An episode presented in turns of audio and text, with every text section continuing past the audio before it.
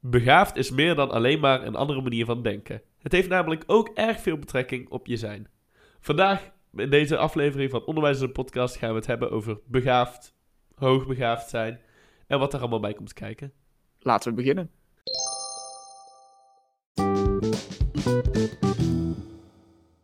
Het is best lastig om een definitie van het concept begaafdheid te geven. Want uh, je hoort vaak zeggen dat mensen met een IQ boven de 130 als begaafd gezien mogen worden. Maar ja, dat, dan heb je dus nog ruim niet alles. Want zoals we net al begonnen, is het meer dan alleen maar een andere manier van denken. En Zeker. heeft ook heel veel betrekking op je zijn. Um, als je online gaat zoeken naar een definitie van begaafdheid, dan vind je ook heel veel uiteenlopende antwoorden. Ja. Maar die omvatten ook zeker niet alles wat te maken heeft met hoogbegaafdheid. Ja, ons doel is dan ook niet in deze aflevering om ja, het hele complexe spinnenweb uit te werken en één vaste definitie te geven. Want dat, ja, dat, dat, is dat kunnen wij ook niet. Maar we gaan naar allerlei onderdelen van begaafdheid kijken, zodat we het misconcept enigszins de wereld uitgeholpen kan worden. En dan kunnen jullie er weer mee aan de slag. Voordat we kunnen gaan kijken naar alle belangrijke onderdelen van begaafdheid, is het wel heel belangrijk dat we even duidelijk hebben wat intelligentie precies inhoudt. Ja. En daarvoor pakken wij de, ja, de definitie die Robert Sternberg, dat is een Amerikaanse onderzoeker, uh, hij onderscheidt namelijk drie aspecten van intelligentie. Namelijk de analytische vaardigheden, dus dat is bijvoorbeeld uh, hoe je met schoolvakken om kan gaan. Ja. De creatieve vaardigheden, uh, waaronder valt ook de intrinsieke motivatie en het verwerken van een probleem, dus hoe je problemen oplost. En, nieuwe verbanden leggen ook nog. Ja, exact. Ja. En dan hebben we nog de praktische vaardigheden. Dus uh, hoe je het denken op gang brengt en hoe je inzicht in ja, sterke en zwakke kanten van jezelf, maar ook van anderen kan, uh, kan inzien. En dat je ook uh, kan samenwerken met anderen.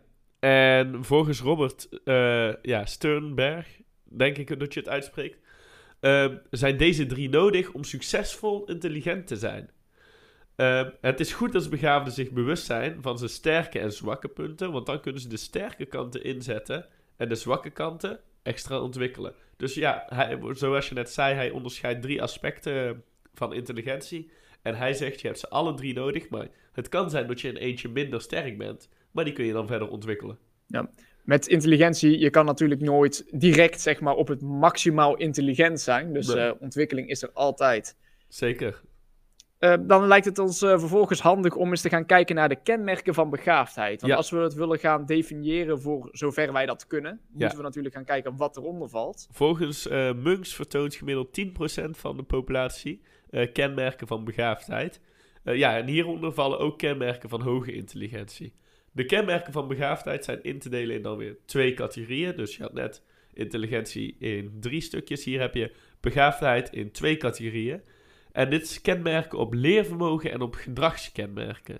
Belangrijk hierbij is dat het leervermogen vaak in een eh, model van Tessa Kieboom, wat heel vaak gebruikt wordt bij begaafdheid, ook wel het denkluik wordt genoemd. Ja? En de gedragskenmerken die staan dan bekend als het zijnsluik. Ja. Dan eh, zoomen we eerst in op het denkluik. Eh, ja, een aantal kenmerken die daarbij vallen zijn bijvoorbeeld een hoge intelligentie, uiteraard. Daar Ja. spreken we dan de hele tijd over. Verder zijn eh, leerlingen die heel erg begaafd zijn, die zijn ook snel van begrip. Ze hebben grote algemene interesses en zijn dus heel erg geïnteresseerd in allerlei concepten die ja, redelijk algemeen zijn in de wereld. Maar ja, de interesse die ze daarin hebben is wel boven, ja, bovengewoon, zeg maar. Eh, ze kunnen verworven kennis flexibel toepassen. En dat kunnen ze ook heel snel. Dus ja, ze leren snel en ze kunnen die kennis dan ook heel erg snel gaan toepassen in praktijksituaties. Mhm. Ze hebben een goed geheugen. Dat is natuurlijk wel praktisch als je heel veel ja, wil weten. Ehm, ze hebben een groot analytisch inzicht en een probleemoplossend vermogen. Ze kunnen dat ook heel creatief. Het is een creatief denkvermogen. Ze kunnen creatief problemen oplossen. Eh, ze hebben een hoog potentieel, omdat ze dus in heel veel dingen eh, vaak uitblinken. Kunnen ze ook in heel veel dingen ja, potentieel ook nog verder groeien en dus uiteindelijk nog verder rijken. En over het algemeen zijn ze ook heel erg taalvaardig.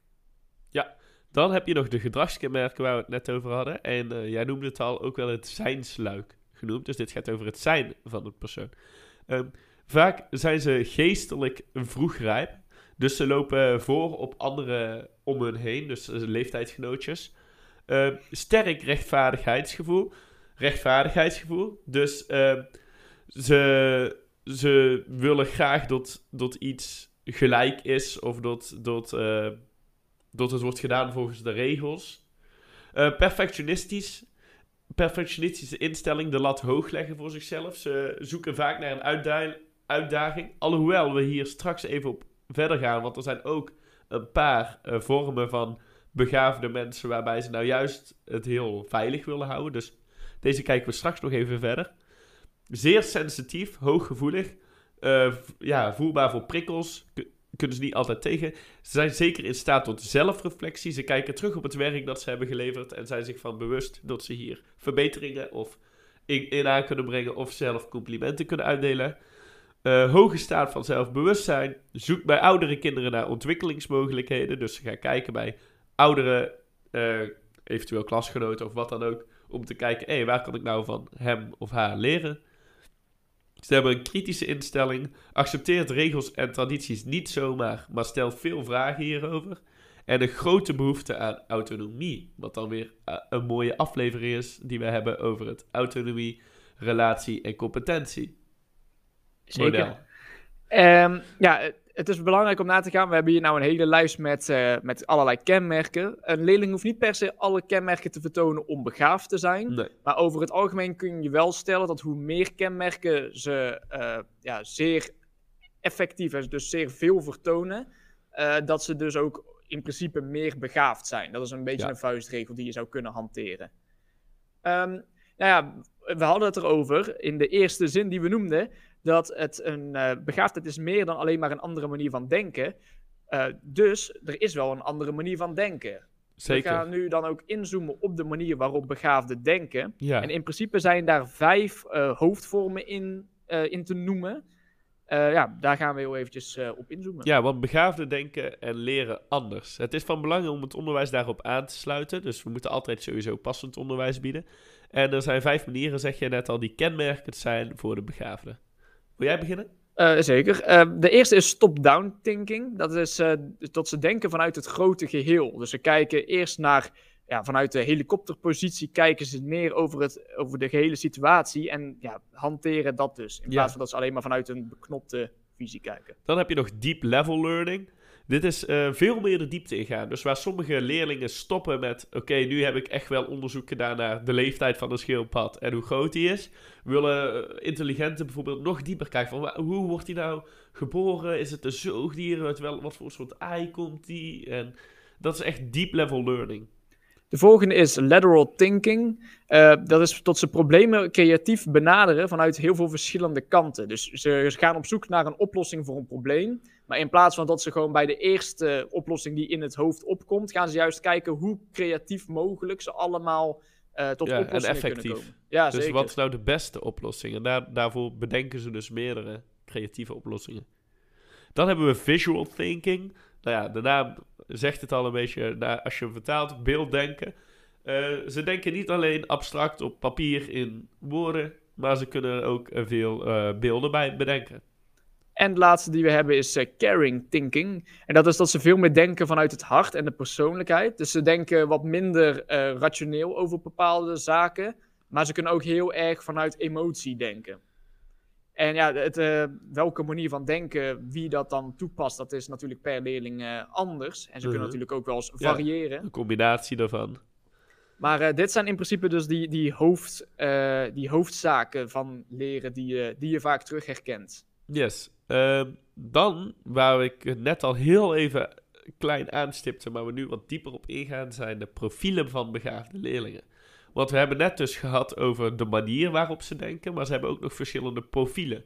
Dus hoe, als je deze profielen goed eh, beheerst en je kan ze herkennen, kun jij straks in jouw klas ook gaan denken van, hé, hey, dit profiel herken ik bij een leerling. Misschien zal die wel eens begaafd kunnen zijn. Ehm, niet alle begaafden vertonen dezelfde kenmerken kenmerken. De begaafde leerling bestaat niet, zeg maar, er is niet één standaard voor een begaafde leerling.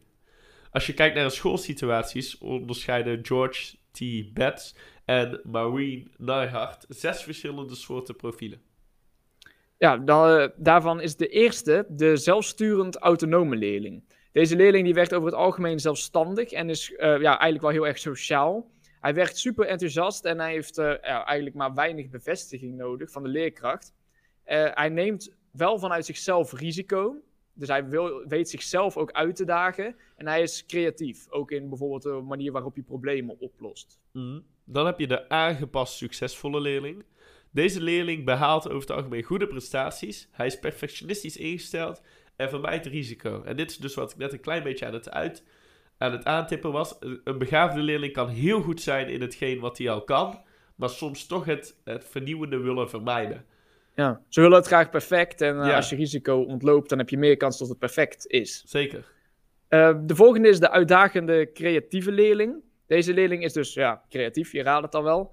En eh, hij is ook heel erg competitief. Daar zit dat uitdagende in. Hij stelt regels die bijvoorbeeld in de klas ja, worden gehanteerd. Die stelt hij ter discussie, dus daar gaat hij over in gesprek. En hij vindt het ook fijn om de leerkracht te corrigeren op een bepaalde fout of op een bepaalde handeling.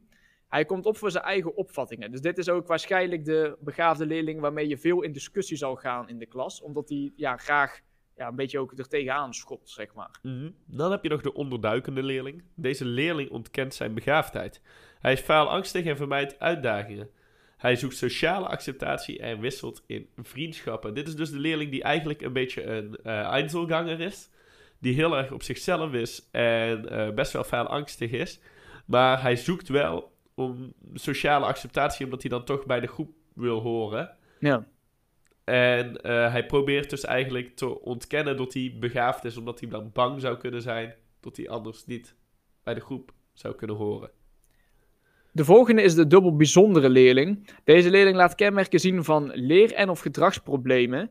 eh, bovenop nog eens de begaafdheidskenmerken die hij laat zien. Dus eh, dit resulteert dan vaak in heel erg sterk uiteenlopende resultaten op onderdelen van een intelligentietest. Omdat, eh, want we hadden het dus over die 130 IQ, zeg maar. Bepaalde zaken kan hij dus heel goed, maar omdat hij dus ook misschien een onderliggend leerprobleem heeft, vindt hij andere zaken weer lastig. Dus je zou bijvoorbeeld kunnen zeggen een begaafde leerling met dyslexie, bijvoorbeeld. Maar het kan ook een begaafde leerling met een gedragsprobleem Ja, zijn. inderdaad. En ja, dat kan zich dus op heel erg veel verschillende manieren uiten. Maar hij heeft dus wel, zeg maar, twee puntjes waar hij mee moet kampen, op zijn minst. Dan nog de laatste, de risicoleerling, ofwel drop-out genoemd. Een belangrijk om te herkennen, want dit is een leerling en die is het vertrouwen in zichzelf en school totaal kwijt. Hij werkt inconsistent en maakt taken niet af en het schooluitval neemt toe. Dus een leerling die je zeker in de gaten moet houden wanneer, eh, wanneer je dit herkent. De, ja, als we zo kijken naar deze zes profielen, dan heb je misschien al wel gehoord dat er bepaalde eh, wel een iets meer positieve boventoon hebben dan de andere.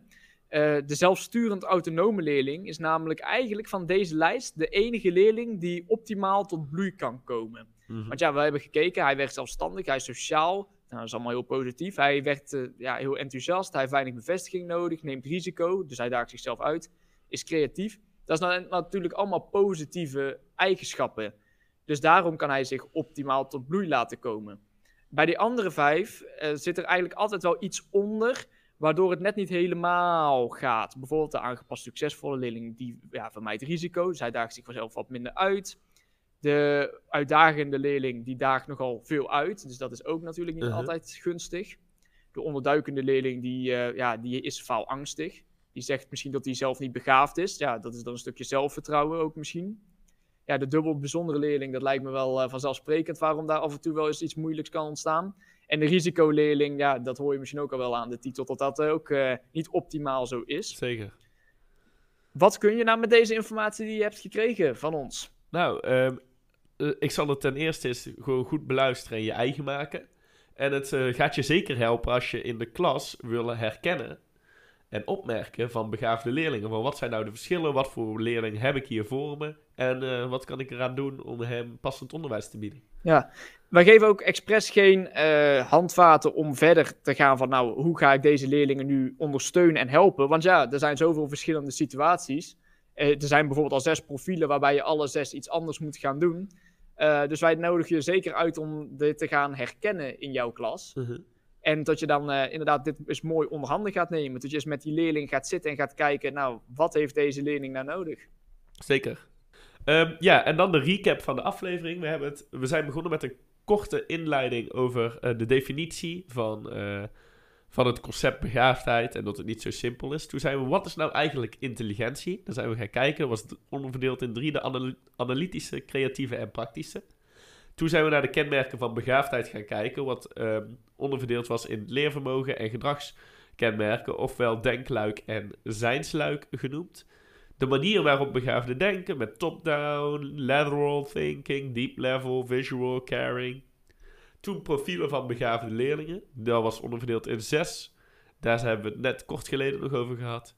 En dan denk ik dat we zo eigenlijk een mooie, een mooie kers op de taart van begaafdheid hebben geplaatst. Zeker. En uh, zoals we al zeiden, ga er vooral mee aan de slag. nodig die leerlingen uit en daag ze uit. En uh, ja, wij hopen dat we zo uh, een mooi handvat hebben geboden. Yes. Mocht je nou nog vragen, ideeën of andere opmerkingen hebben, dan ben je altijd welkom om die achter te laten op een van onze social media. Te vinden op Twitter, Kevin en DJ. Of op of Onderwijzer de Podcast. Of op Instagram onder Onderwijzer de Podcast.